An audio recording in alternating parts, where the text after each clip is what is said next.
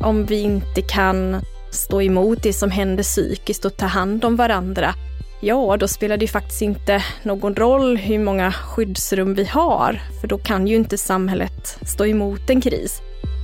Så det är frågor som har väldigt stor betydelse, även om vi kanske inte tänker så vid första anblicken.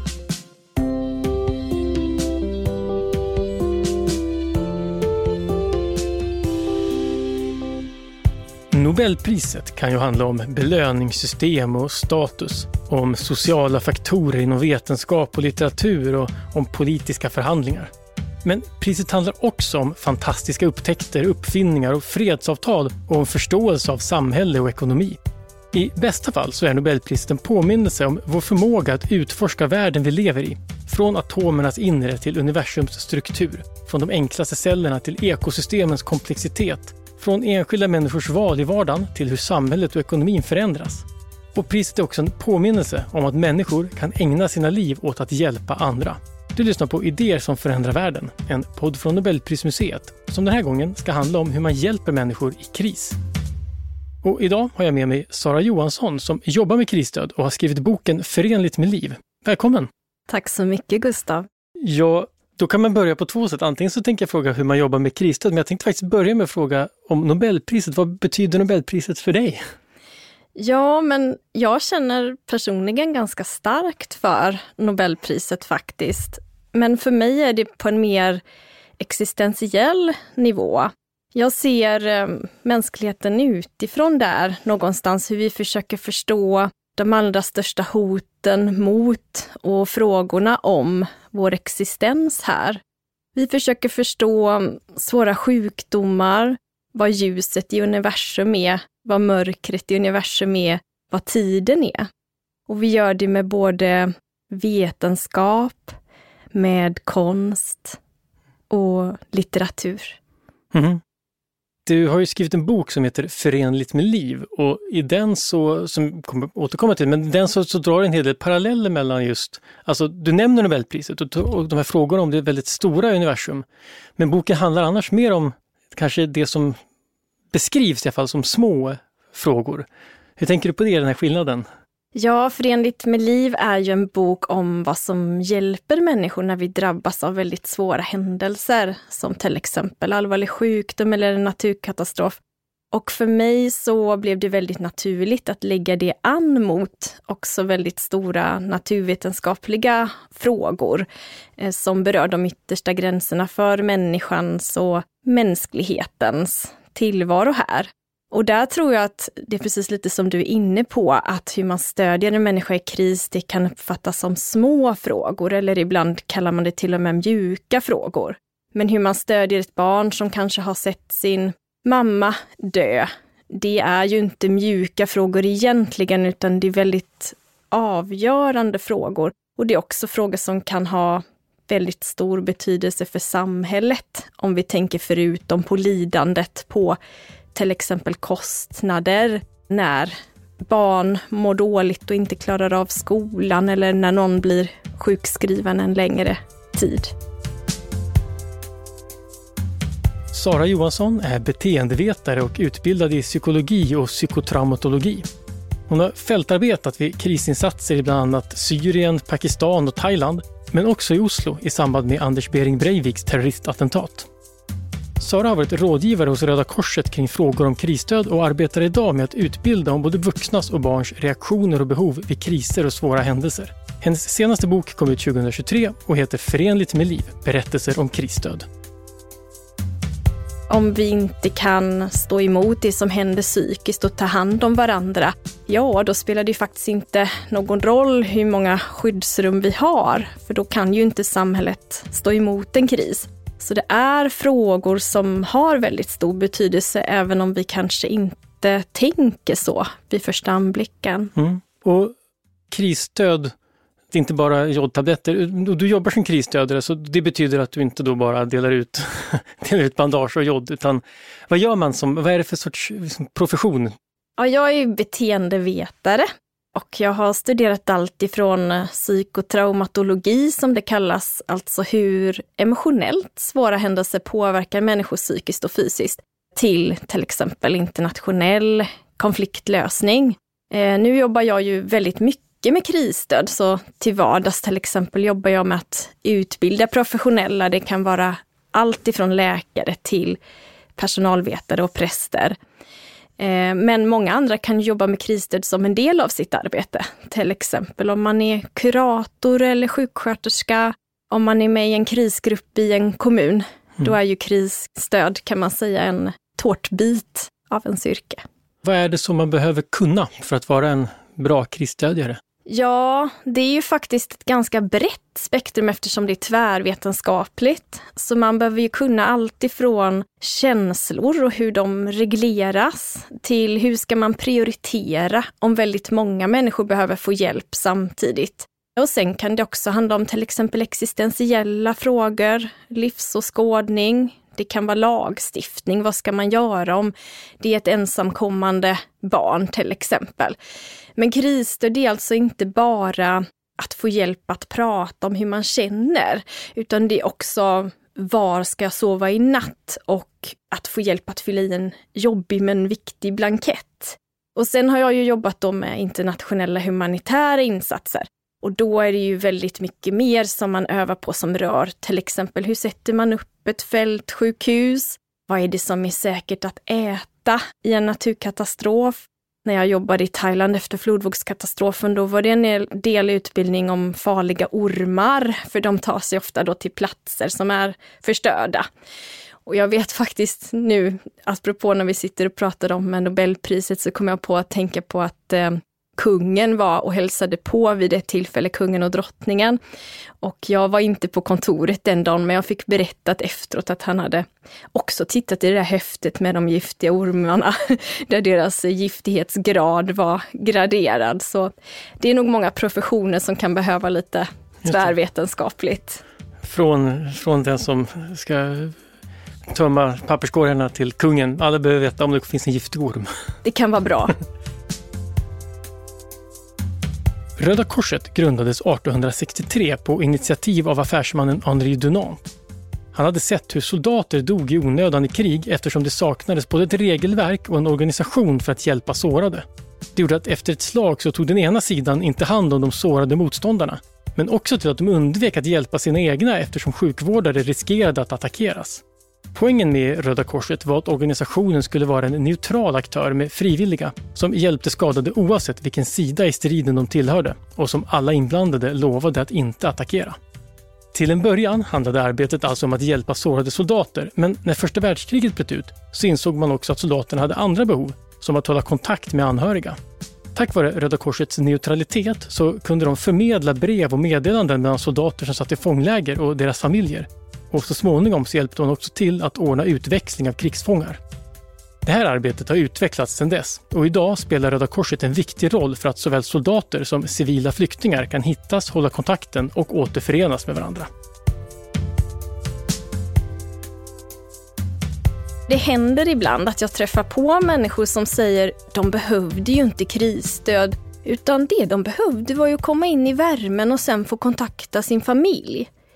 Och då har man nog inte kanske jobbat så mycket just praktiskt med människors behov, för det är precis just så som det fungerar. Att om vi tänker att jag är med om en väldigt skrämmande trafikolycka i kylan och så klarar jag mig fysiskt oskadd, men det kanske är en väldigt skrämmande händelse och jag får stå ute i kylan ett bra tag. Då kan ju det vara väldigt lugnande och reglerande att få komma in i värmen, att få en varm filt, att någon säger här kan du låna min telefon eh, och få ringa till en vän eller familjen och tala om att du är okej okay och vad som har hänt. Om vi bara tänker på en sån sak som att inte veta vad, vad som har hänt någon som man älskar.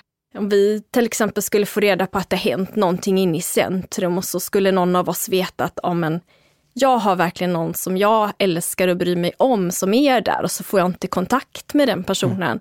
Det är ju bland det starkaste när det gäller stress som en människa kan utsättas för. Och det skulle vara få saker som känns så relevant som att få visshet då och bli återförenad med den personen. Så det betonas väldigt starkt i krisstöd att i en sån situation handlar det ju inte om att lära ut en avslappningsövning, utan det handlar ju då om att ha kunskap om att det faktiskt så det fungerar Och ett sjukhus till exempel måste ha beredskap att kunna meddela på sin hemsida hit har skadade förts, det här telefonnumret kan man ringa. För att annars kan det bli konsekvenser och det blir ett väldigt stort lidande, ovisshet under många timmar som kanske hade kunnat förebyggas. Så att ge information är en sorts krisstöd? Det är det absolut och där måste man också vara medveten om till exempel minoritetsgrupper. Därför att beroende på hur man organiserar sina insatser så kan man förstärka utsatthet eller förebygga utsatthet. Ett exempel är till exempel från pandemin när det gällde det här att boka tid för vaccination. Där vet man ju att det är så att om det bara finns möjligheter att göra det digitalt, mm. ja då gynnar ju det den som har digital kompetens, som kanske har ett flexibelt jobb, där man ofta kan logga in och se om det har kommit lediga tider. Medan det kanske inte är så lätt för den som är 89 år och ser dåligt att boka på det sättet. Så där har man ju jämfört lite grann faktiskt att det här med kallelser och att mm. kunna få personlig hjälp, att det kan vara viktigt. Just det, för då kan det nästan bli en, en extra stress för den som inte känner sig så hemma med att boka någonting på telefonen, att det blir liksom en extra... Ja precis, det kan bli en extra stress, det kan påverka vår tillit till samhället och det kan ju också göra att de här grupperna som vi egentligen vill nå allra mest, Eh, där kanske det är då svårt att skapa förtroende eller möjligheter att ta del av åtgärden. Mm. Nu är vi liksom inne på människor som är mitt, kanske mitt uppe i när någonting pågår. Och, det här liksom information, finns det mer sätt att man ska tänka när man möter någon som när man är mitt uppe i det, att det kanske, den här kombinationen då kanske är det praktiska och det emotionella är det viktigt att tänka på även liksom för sjukvårdspersonal och liknande, för de som, som först och främst löser det praktiska, men om man, även om man löser det praktiska, eller den som ger information, att den personen måste också tänka på de här att sättet hur man ger information. Absolut. Ehm, för någon vecka sedan stötte jag på ett exempel. Det var en kvinna som eh, mådde väldigt dåligt efter en svår händelse. Hon hade förlorat sitt barn och det var en situation som var oerhört jobbig för henne att tala om. Och så hade hon kommit till det läget där hon insåg att jag måste ha mer hjälp för det här, för hennes vardag fungerade inte. Och eh, då hade hon fått reda på att ja, men då får du själv fylla i den här blanketten och du ska svara på lite frågor här om din situation så kan vi kanske hjälpa dig. Och det här hade hon ju gjort då med väldigt, väldigt stor möda och skrivit ihop. Det var ganska många frågor, så det var väldigt jobbigt för henne. Och sen hade det gått några veckor och då fick hon ett brev hem där det stod bara en mening och då stod det att eh, vi har inte någon möjlighet att ge mm. dig hjälp med vänlig hälsning då. Och det är väl ett exempel på att den prioriteringen behöver ju inte vara fel. Det kan ju faktiskt vara så att det fanns personer som mådde ännu sämre, alternativt att hon behöver söka på en annan mottagning. Mm. Men det gjorde ändå någonting med henne och hon sa att efter det så mm, orkar jag faktiskt inte söka hjälp flera gånger. För jag kände att det här tog så mycket energi. Och hon sa, jag kände mig också dumförklarad. Kände det som att eh, jag var lite grann efter som hade trott att jag skulle få hjälp där. Just det, så i det här brevet som hon fick kunde hon ha fått ett, bara en till mening med ett alternativ. Här kan man, det här kan du göra när du nu inte kommer till oss. Hade Precis, eller kanske lite bekräftelse. Eventuellt kanske också man såg att här är det en väldigt komplex och svår situation. Så kanske man kunde erbjudit att ringa upp en kortare tid och slussa vidare. Det finns ju olika sätt att göra på. Men det har ju också att göra med om man till exempel känner personen från början och lite sådana här saker. Hur ser man på en person, oavsett om det är mitt i krisen eller om det är eh, efteråt eller har gått ett tag, men hur ser man, hur vet du att personen behöver hjälp? Det är en väldigt klok fråga, för vi hör ju mycket om idag att människor kanske söker hjälp för minsta lilla, till exempel digitalt hos läkare och sådär. Men det kan faktiskt vara på motsatt sätt. Jag träffar en hel del personer ibland som verkligen är traumatiserade i ordets rätta bemärkelse.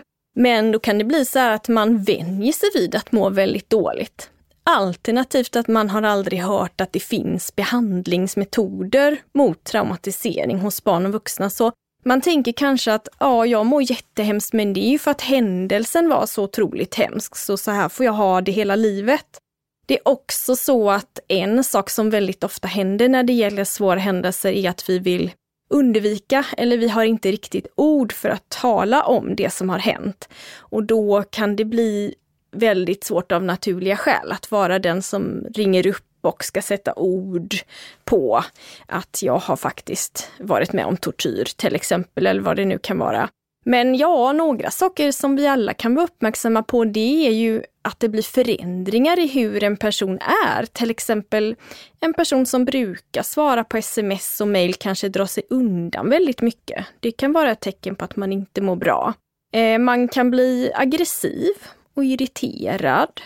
Ibland kan man märka att en person kanske inte sköter sin hygien. Det kan hänga samman till exempel med att man är deprimerad. Och sen har vi det här med sömnen. Väldigt ofta när man mår eh, psykiskt dåligt på ett sätt som börjar övergå till psykisk sjukdom så har man sömnproblem. Antingen att man sover alldeles för mycket, känner sig inte utvilad, eller att man har väldigt svårt att sova överhuvudtaget. Sen kan det också ibland vara saker som alkoholen som kommer in i bilden. Det är ju inte helt ovanligt efter en svår händelse att man kanske börjar dricka några glas vin för att komma ner i varv efter jobbet eller för att kunna sova. Eller man kanske hade tendens till sådana problem redan innan en svår händelse och så händer det här som verkligen är väldigt tufft att hantera och då börjar det övergå till att det verkligen blir ett problem. För barn där kan man vara uppmärksam på saker som till exempel koncentrationsproblem i mm. skolan. Ett barn som det tidigare har gått bra för i skolan upplevs kanske vara mentalt frånvarande. Barnet eller ungdomen tycker inte riktigt att någonting är roligt. Det kan också handla om ont i magen eller ont i huvudet där man inte hittar då någon fysisk mm. orsak. Ja, men det låter som ganska stress, stresssymptom i största allmänhet. Vet du förresten, bara, bara slog mig, varför det så ofta sätter sig, har med sömnen att göra? Ja, det finns olika teorier om det, men just när det gäller eh, efter svåra händelser så har det att göra med ofta det biologiska stresssvaret i kroppen. Att man får någonting som kallas för en överspändhet och en vaksamhet, alltså kroppen och hjärnan är beredd på eh, oj, om det börjar lukta rök igen eller jag hör ljud som påminner om det här så ska man till exempel då vara snabb att sätta sig i säkerhet. Det kan också handla om att man drömmer mardrömmar. Eh, och det kan ha att göra med den här aktiveringen i kroppen. Det kan också ha att göra med att hjärnan försöker hantera situationen på de sätt som går helt enkelt. Vad är skillnaden då mellan liksom att ha ett trauma och att ha en, vad ska man säga, normal, om det är rätt ord, eh, reaktion på en svår händelse? Ja. Eller trauma kanske är en normal reaktion? Ordet trauma och traumatisering har ju blivit väldigt populärt att använda. Så där tycker jag det är viktigt att betona att när vi säger att någon är traumatiserad, då menar vi att man verkligen har tagit psykisk skada efter en svår händelse. Man kan vara med om en svår händelse, men det betyder inte att man har blivit traumatiserad. Det är en väldigt viktig skillnad där. Och det kan ju finnas en risk när man hela tiden kallar då allting för ett trauma, att man inte ger riktig tyngd till de personer som verkligen lever med det. Mm, ja, precis, för dels använder man ju så att det var traumatiserande att lunchen var så kall, men det, det fattar väl folk att man skojar. Men just alltså, för någonting som faktiskt var jobbigt och så säger man att det var ett trauma, men, men det finns alltså en skillnad. Det finns det och det finns till exempel frågeformulär som kan vara till hjälp för att skilja på normala förväntade reaktioner och det som börjar övergå i sjukdom. Och det finns för både barn och vuxna. Man kan säga att det är lite grann som med feber, att tidigt efter en svår händelse är det inte så konstigt om man ligger högt på de här skalorna. Men tre månader efter en svår händelse, sex månader efter den svåra händelsen, ja då kan man behöva då få vidare bedömning av någon som kan det här med traumatisering. Och eventuellt så kanske det är så då att man till exempel har utvecklat posttraumatiskt stresssyndrom, eller en depression. Och då behöver man komma vidare till någonting som kallas för traumabehandling eller psykologisk behandling. Så då hjälper det inte med bara det här praktiskt och emotionellt stöd som de flesta behöver, utan då behöver man lägga till några steg.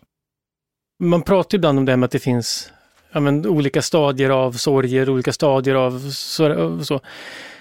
Är det så att det finns det?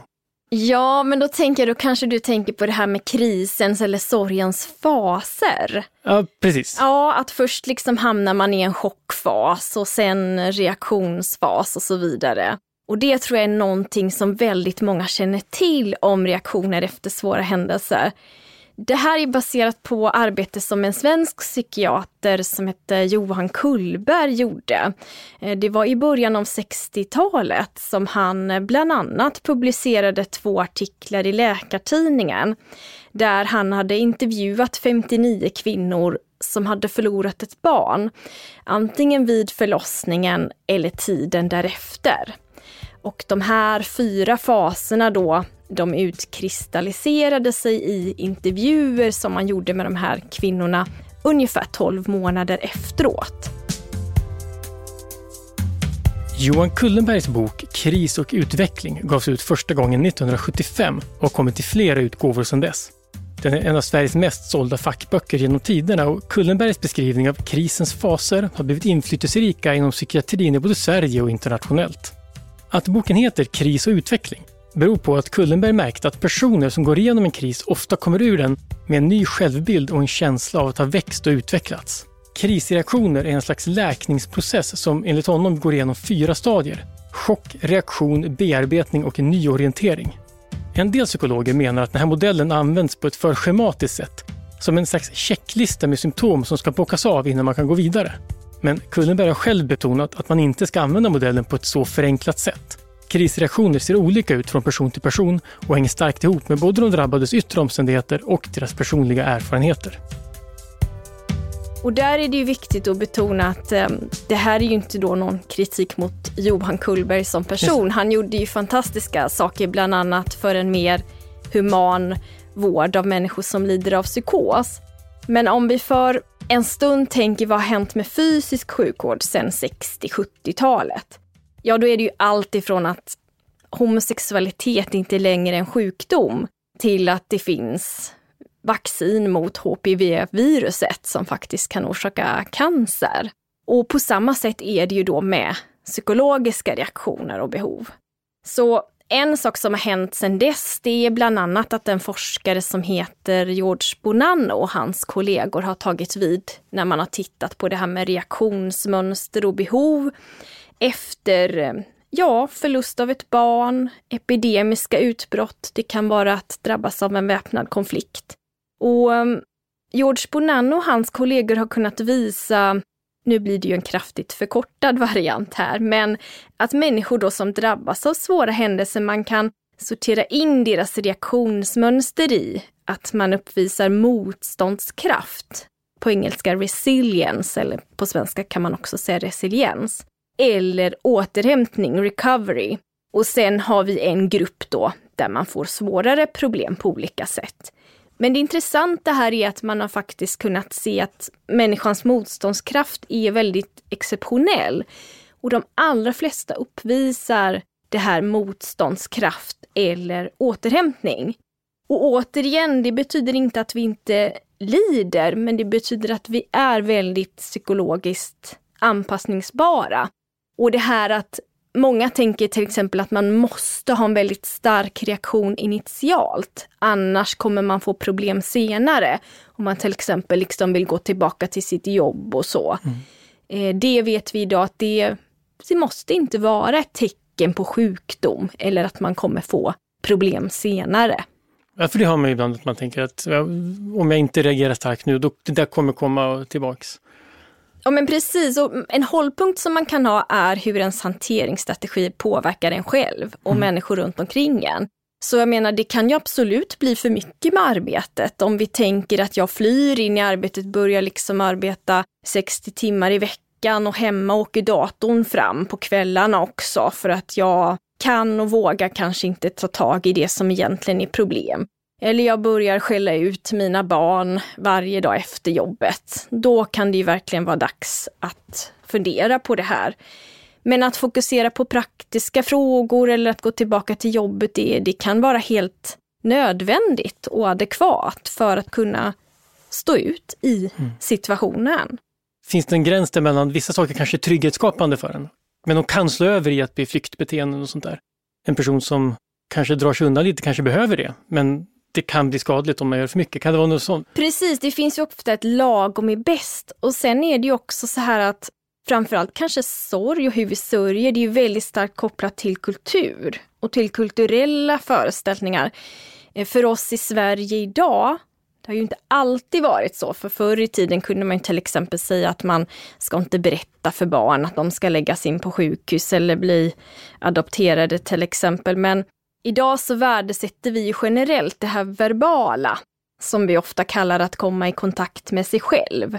Och att till exempel prata mycket om jobbiga detaljer. Och det är absolut en väldigt stark skyddsfaktor att kunna ha namn på känslor och att kunna be om hjälp. Men när man då har varit med om någonting som är väldigt känsligt, som ligger liksom extremt högt uppe på stresstermometern, man kanske till och med har trott att man ska dö, då finns det ju ofta ett tillfälle när det blir rätt att till exempel tala om det här. Att gå in väldigt mycket jobbiga detaljer, det kan faktiskt bli för starkt och för mycket för en person som mår väldigt dåligt. Då kanske jag till exempel behöver skriva ner vissa saker i händelsen för att det är lättare, eller jag behöver ta pauser, eller jag behöver ha någon med mig som kan ge mig stöd när vi ska prata om det här. Så man brukar prata om att reaktioner efter svåra händelser, det är ofta en slags pendlingsrörelse. Till exempel att eh, jag gråter i duschen över det här som har hänt, men sen kan jag ändå gå till jobbet och liksom delvis i alla fall fokusera på jobbet. Eller som en kvinna som jag träffade, hon hade varit med om en väldigt tuff situation. Hon sa att eh, den gången när jag gråter och tillåter mig att känna känslor kring det här, det är när jag går och lyssnar på musik i kyrkan. Då sätter jag mig längst bak och jag liksom kommer i kontakt med de här känslorna och tycker du att det är konstigt eller att det är fel? Mm. Och jag sa att jag tycker verkligen inte att det är konstigt. Det finns väldigt många olika sätt att hantera svåra händelser på, att sörja på. Allt ifrån berättelser till musik, lyrik eller att fokusera på praktiska frågor. Och sen är det också viktigt, ibland frågar till exempel väldigt engagerade pedagoger mig på en förskola, låt säga när någonting har hänt, och att vad finns det för böcker vi kan läsa om eh, krig eller bränder eller vad det nu är som mm. har hänt. Eh, och det kan ju vara ett jättebra sätt, för en bok blir som en tredje person som man kan samtala utifrån. Mm. Men vi får ju inte heller glömma bort att när man har det som allra jobbigast, då behöver man saker som ger energi och som ger en liten, liten vilstund från det här jobbiga. Så om det till exempel är krig, då kanske man inte bara behöver läsa böcker om krig. Man kanske vill läsa om hur är det att få en hundvalp eller hur är det att eh, resa till exempel på semester när man inte kan resa på semester och ligger och är sjuk. Så sådana där saker är um, oerhört kraftfulla och väldigt, väldigt viktiga. Jag tänker också där vi började, det här med att alltså, vända sig till de här typen av frågor som kanske är både stora men ändå lite trygga för de är långt bort ibland. Alltså universums slut eller galaxerna eller vad det nu kan vara. Populärvetenskap och sånt, att det kan vara en sorts trygghetsförmedlande, inte bara information. För mig är det faktiskt så personligen. Eh, jag brukar tänka att eh, för att det inte ska bli för mycket så behöver vi motvikter. Eh, alltså en person som eh, jobbar mycket ensam framför datorn och sitter långa pass. Den personen kanske behöver socialt utbyte och att vara lite utomhus ibland för att det inte ska bli för mycket.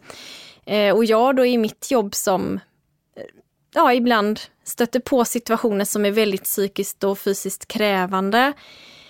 Där till exempel läser jag gärna om vetenskap och rymden på fritiden. Mm. Det där går ju också igenom i boken Förenligt med liv.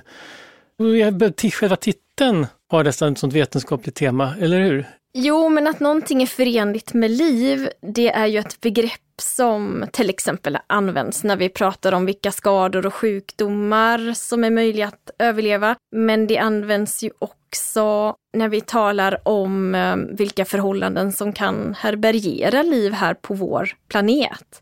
Och i boken så har det en dubbel betydelse. Där handlar det om vad är det som gör att vi inte bara överlever utan att vi får ett liv när vi drabbas av olika slags svåra händelser. Alltså vad är det som bär oss psykiskt? Mm. Den här boken den bygger på berättelser, eller du berättar om saker. Det, så det, man får liksom en blandning mellan kunskap, för du beskriver, som vi varit inne på nu, saker hur man gör, men också en känsla av hur saker är. Ja, men det är roligt att du säger det, för det är verkligen någonting som jag har eftersträvat. Eh, I mitt arbete här i Sverige och utomlands så har jag ju fått se och lära mig saker som har känts väldigt viktigt att förmedla, både till enskilda läsare men också till samhället. Och jag har innan skrivit renodlade faktaböcker och olika skrifter. Men den här gången så vill jag verkligen åt det här med vetenskap och känsla tillsammans. Så det är ju en bok där vi kommer rakt in i berättelsen, både längre berättelser men också ögonblicksbilder. Och eh, jag vill efterlikna hur vi minns och upplever en svår händelse och förmedla någonting annat än bara fakta.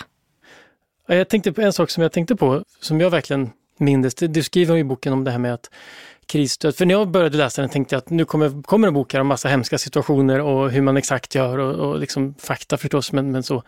Men så och hur man ska tala med människor som är svårt. Och sånt finns ju med, men du var också inne på det här med att ibland kan det vara att eh, se till så att det, någon får en kopp kaffe eller en fika eller en bulle eller vad som helst. Alltså de där, att det också är krisstöd, att det hade inte jag riktigt förstått innan. Precis, jag ville försöka göra saker synliga som kanske inte så ofta görs synliga. Eh, och till exempel visa hur det är det för ett barn som sörjer, men som sörjer främst genom leken. Alltså jag ville försöka sätta ord på de här avgörande ögonblicken som sker mellan två människor som kanske vid första anblicken kan kännas som att det är bara lite lek eller det är en kopp kaffe och en kanelbulle, men mm. som ju är så väldigt mycket större än det. Ja, och i de här berättelserna så är du väldigt närvarande. Boken handlar också om den som hjälper, vad man har för liksom, både kunskap men också kanske behov. Och en sak jag tänkte på är, att det är lätt att tänka sig att den som hjälper människor som har svårt, man behöver en distans till det. Men du beskriver nästan en motsats, att man måste vara öppen för den andra personen. Ja, där, där fångar du nog någonting väldigt viktigt när du säger så. För jag tror att det finns en bild ibland av att en riktigt bra läkare, en riktigt bra polis, en riktigt bra mm, krisstödjare påverkas inte av sitt arbete eller att det går ut på, som du säger, att distansera sig. Jag skulle säga att det är mm, precis tvärtom, att man lär sig att bli lyhörd. Man måste ju till exempel kunna känna av en människa både i det verbala och det icke-verbala. Framförallt jag då som har jobbat mycket med små barn. Barn känner ju ofta av väldigt snabbt om man är närvarande eller inte. Däremot, det här med att vara professionell eller inte, det handlar ju om vad gör jag med den här påverkan sen då? Så att man inte tar ifrån den som har det svårt, den, dess upplevelse genom att själv bli för påverkad. Precis, det är ett bra exempel. Att om man då inte är medveten om sig själv så kan man ju börja utgå ifrån eh, mig och mina egna känslor. Det kan ju också vara så att man slukas upp helt av de här starka känslorna, så den här förmågan då att se vad den drabbade behöver, att den förmågan blir lidande. Så jag skulle säga att, att träffa människor i svåra situationer, det är ju jobbigt och svårt för de allra flesta. Det som kanske är skillnaden när man arbetar med det framförallt är ju att man övar och tränar på det här väldigt mycket. Så jag har ju ett språk för känslor, för svåra händelser som de flesta människor kanske inte har på samma mm. sätt. Men som också antar jag måste individualiseras då, för det, det är väl det, det, det tänk, återkommer jag till i fall i tanken till det här med hur man eh, anpassar det språket.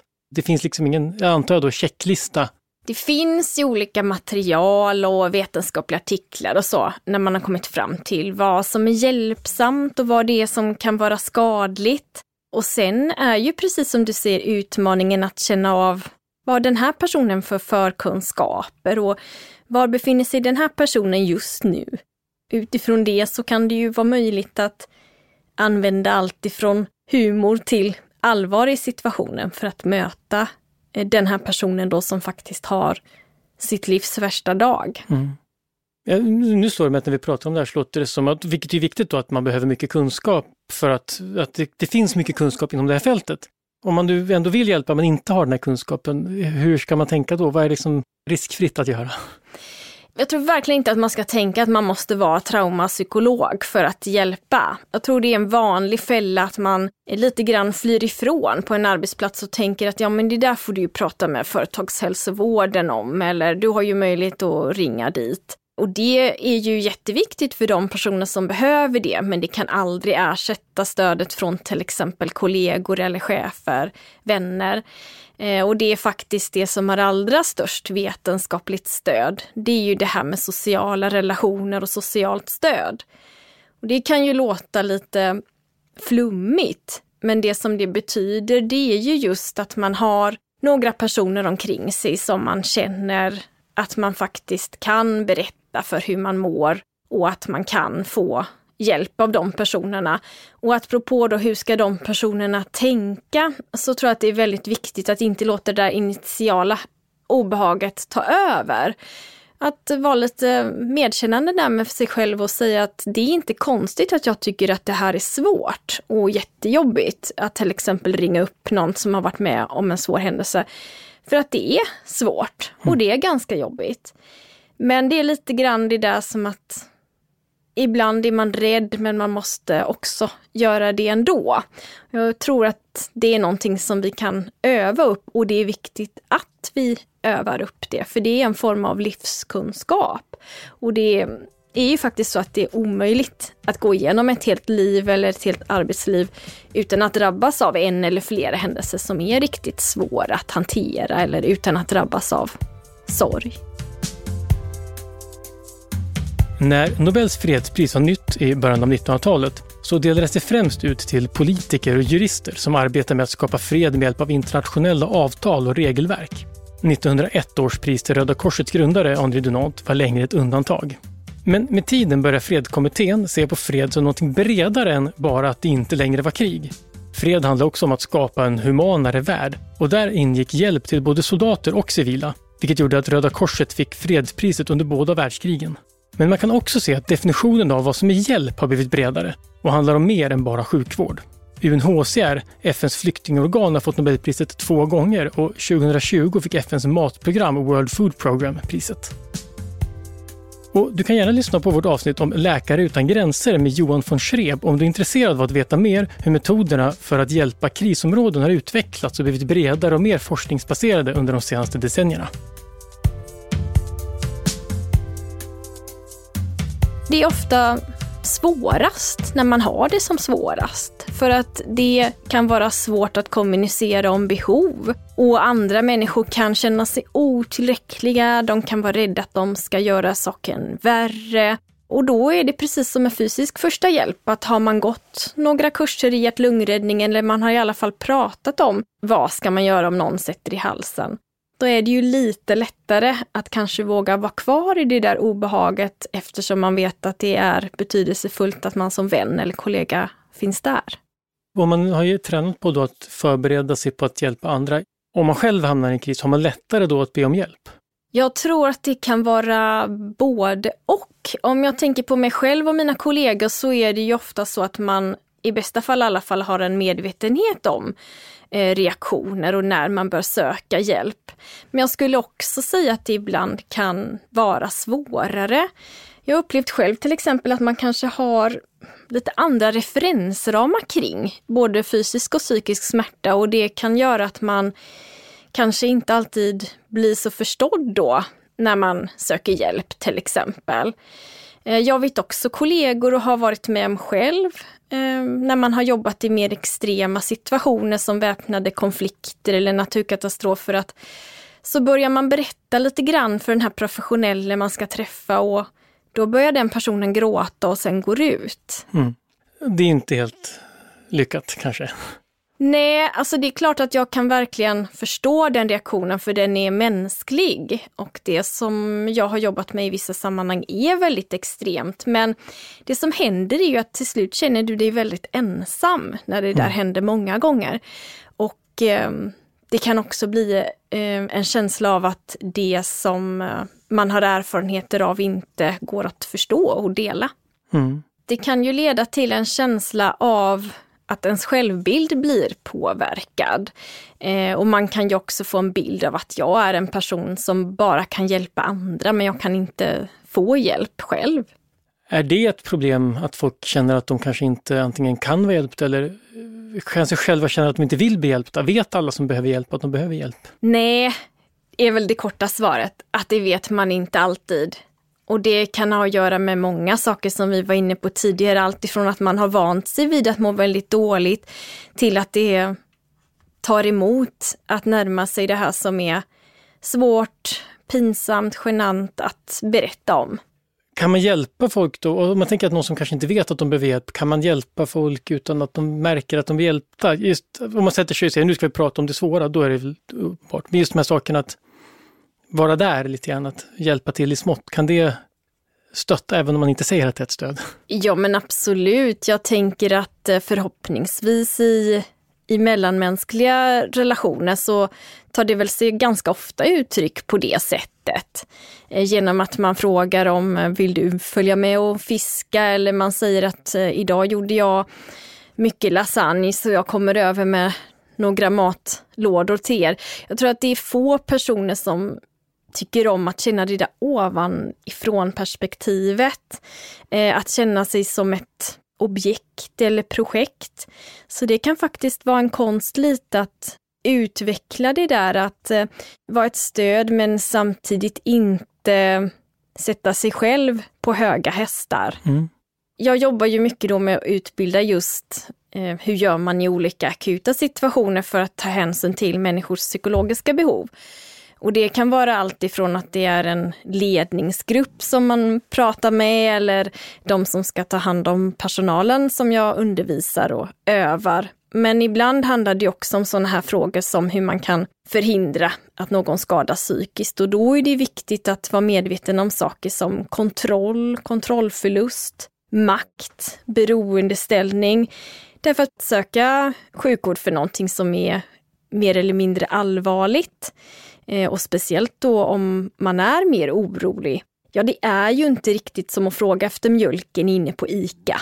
För att det är så mycket mer starkt emotionellt laddat och därför får ju det som görs eller inte görs också en psykologisk betydelse. Och det, det antar jag att de flesta kanske inom vården förstår, men man kanske inte alltid tänker på lika mycket. Precis, så kan det vara. Det kan också vara så att Maskinerna servas med regelbundenhet men man har kanske inte handledning eller tid för reflektion. Det kan också vara så här att en sjuksköterska på en vårdcentral en eftermiddag ska ringa upp till 30 patienter. Och då blir det väldigt svårt att tänka sig in i individens situation om det då är så att några av de här 30 patienterna verkligen är i en otroligt jobbig situation, för det finns inte riktigt förutsättningarna för det. Så det är ofta flera saker som samverkar. Det kan också handla om vad man har utvecklat för kultur på en arbetsplats eller i en arbetsgrupp. Det är ju också så här att eh, ganska ofta när jag undervisar på utbildningar för till exempel psykologer eller läkare så kan man konstatera att eh, tvärt vad kanske gemene person tror så ingår det väldigt lite till ingenting om sorg och svåra psykologiska reaktioner vid svåra händelser. Det är ibland också så att det ingår väldigt lite om hur man själv mm. reagerar. Och om vi för en stund tänker då på de situationer som alltifrån polis till läkare ställs inför, så tror jag de flesta håller med mig om att det är lite konstigt faktiskt att det inte ingår. När det gäller det fysiska som till exempel hjärt-lungräddning så har man ju ofta både övning och teoretiska och mm. praktiska prov. Men hur tar man hand om den här personen psykiskt som har fått hjärtstoppet? Hur Tar man hand om sambon som kanske vaknade mitt i natten och såg allt det här och fick göra de första insatserna, trodde att nu ska den här personen dö. Mm. Det pratar vi väldigt sällan om. Jag tror att det kan göra med att det är lätt att se att det här praktiska tränandet på hjärt det förstår man att det tar tid och det förstår man att det kan bygga en organisation kring. Det är svårare att se tiden det tar för att både möjliggöra och genomföra emotionellt arbete. Jag tror att det handlar om att konsekvenserna är väldigt konkreta eh, av vad man gör vid en stroke eller en, eh, ett hjärtstopp till exempel. Men konsekvenserna av att ett litet barn inte får hjälp när den har sett pappa bli skjuten. Mm. De konsekvenserna hamnar ju någon annanstans i samhället. Och fullt ut så kommer de kanske ses som 10 till 20 år. Och då kommer vi också in på sådana här saker som att då är det någon annans budget, någon annans mandatperiod. För det låter ju annars som att det finns, vad ska man säga, ett praktisk nytta av att se det som ett självändamål att hjälpa människor som har det svårt. Men det kommer också leda till förmodligen samhällsnytta senare det finns nog få saker som är så samhällsekonomiskt lönsamma som att hjälpa barn i kris eller barn som riskerar att fara illa. Det, det finns det beräkningar kring. Eh, men jag tänker också att eh, Många saker tar ju heller inte så lång tid i anspråk. Det handlar ju inte om att alla ska vara som sagt en traumapsykolog eller på samma nivå som en psykoterapeut mm. har. Utan ofta är det ju så här att du ska ju prata med personen och ge viss information ändå. Du ska beröra personen och göra vissa saker ändå. Och att då lära sig tre till fyra saker som är betydelsefulla, till exempel vikten av att få återförenas med sin familj. Det är ju egentligen inte någonting som tar så väldigt mycket mer tid i anspråk men som har väldigt stora både ekonomiska men också existentiella sociala värden för den drabbade. Mm. Det finns många skäl att upprioritera stöd och omhändertagande. Alltså det kanske har att göra med hur vi ser på varandra i samhället till syvende och sist. Absolut, och det kanske också lite grann har att göra med hur vi ser på krisberedskap och att vi i vissa fall har kommit lite väl långt ifrån det här att faktiskt ta in att svåra saker händer och är en del av vår tillvaro som människor. Mm. Det, det verkar mycket, så mycket där, när man pratar om det här handlar om balans. Det handlar verkligen om balans och att det kan vara på flera sätt samtidigt. Jag tänker, dags att, som psykologer brukar säga, dags att runda av. Men eh, avslutningsvis tänkte jag bara väldigt praktisk fråga, om man nu själv eller känner någon som man tror kan behöva hjälp av någon anledning, var vänder man sig? Ja, om man mår väldigt dåligt efter en svår händelse eller man är orolig till exempel för någon annans reaktioner, då kan man kontakta 1177 för råd och information om var man söker hjälp. Eh, om det gäller barn eller ungdomar, då kan man som vuxen få råd av BRIS vuxentelefon. Och ens kommun eller till exempel församling kan också ibland erbjuda krisstöd, alltså råd och stöd kring reaktioner men också praktisk hjälp. Det kan ta flera försök att hitta rätt hjälp, tyvärr. Så här kan man ju gärna som vän, granne, kollega försöka vara ett stöd. Kanske du kan skjutsa eller hjälpa till att fylla i en jobbig men viktig blankett. Och är det sen då akuta situationer där man är orolig för sitt eget eller någon annans liv, då ska man ju alltid ringa Sveriges nödnummer 112. Just det. Tack så mycket för de praktiska tipsen, men framförallt tack så mycket för samtalet. Det var otroligt spännande och, fascinerande att höra och jag rekommenderar alla som lyssnar att läsa Föreningen Lite med liv. Det är verkligen en eh, både hoppingivande och bitvis hemsk men också hoppingivande samling berättelser. Tack för att du kom Sara. Tack så hemskt mycket Gustav. Idéer som förändrar världen är slut för den här gången. Den här podden görs av Nobelprismuseet vi finns på Stortorget i Gamla stan. Information om museets utställningar och öppettider finns på museets hemsida nobelprismuseum.se. Du kan förstås också följa oss på Facebook och Instagram. Och vill du veta mer om Nobelpristagarna och deras arbete så gå gärna till Nobelprisets hemsida nobelprice.org. Och ett stort tack till Nibe Group, EF Education First, Knut och Alice Wallenbergs stiftelse och familjen Erling Perssons stiftelse som möjliggör Nobelprismuseets verksamhet. Idéer som förändrar världen görs i samarbete med produktionsbolaget Filt. Producent är Andreas Wiklund och jag heter Gustav Källstrand. Vi är snart tillbaka med nya intressanta samtal.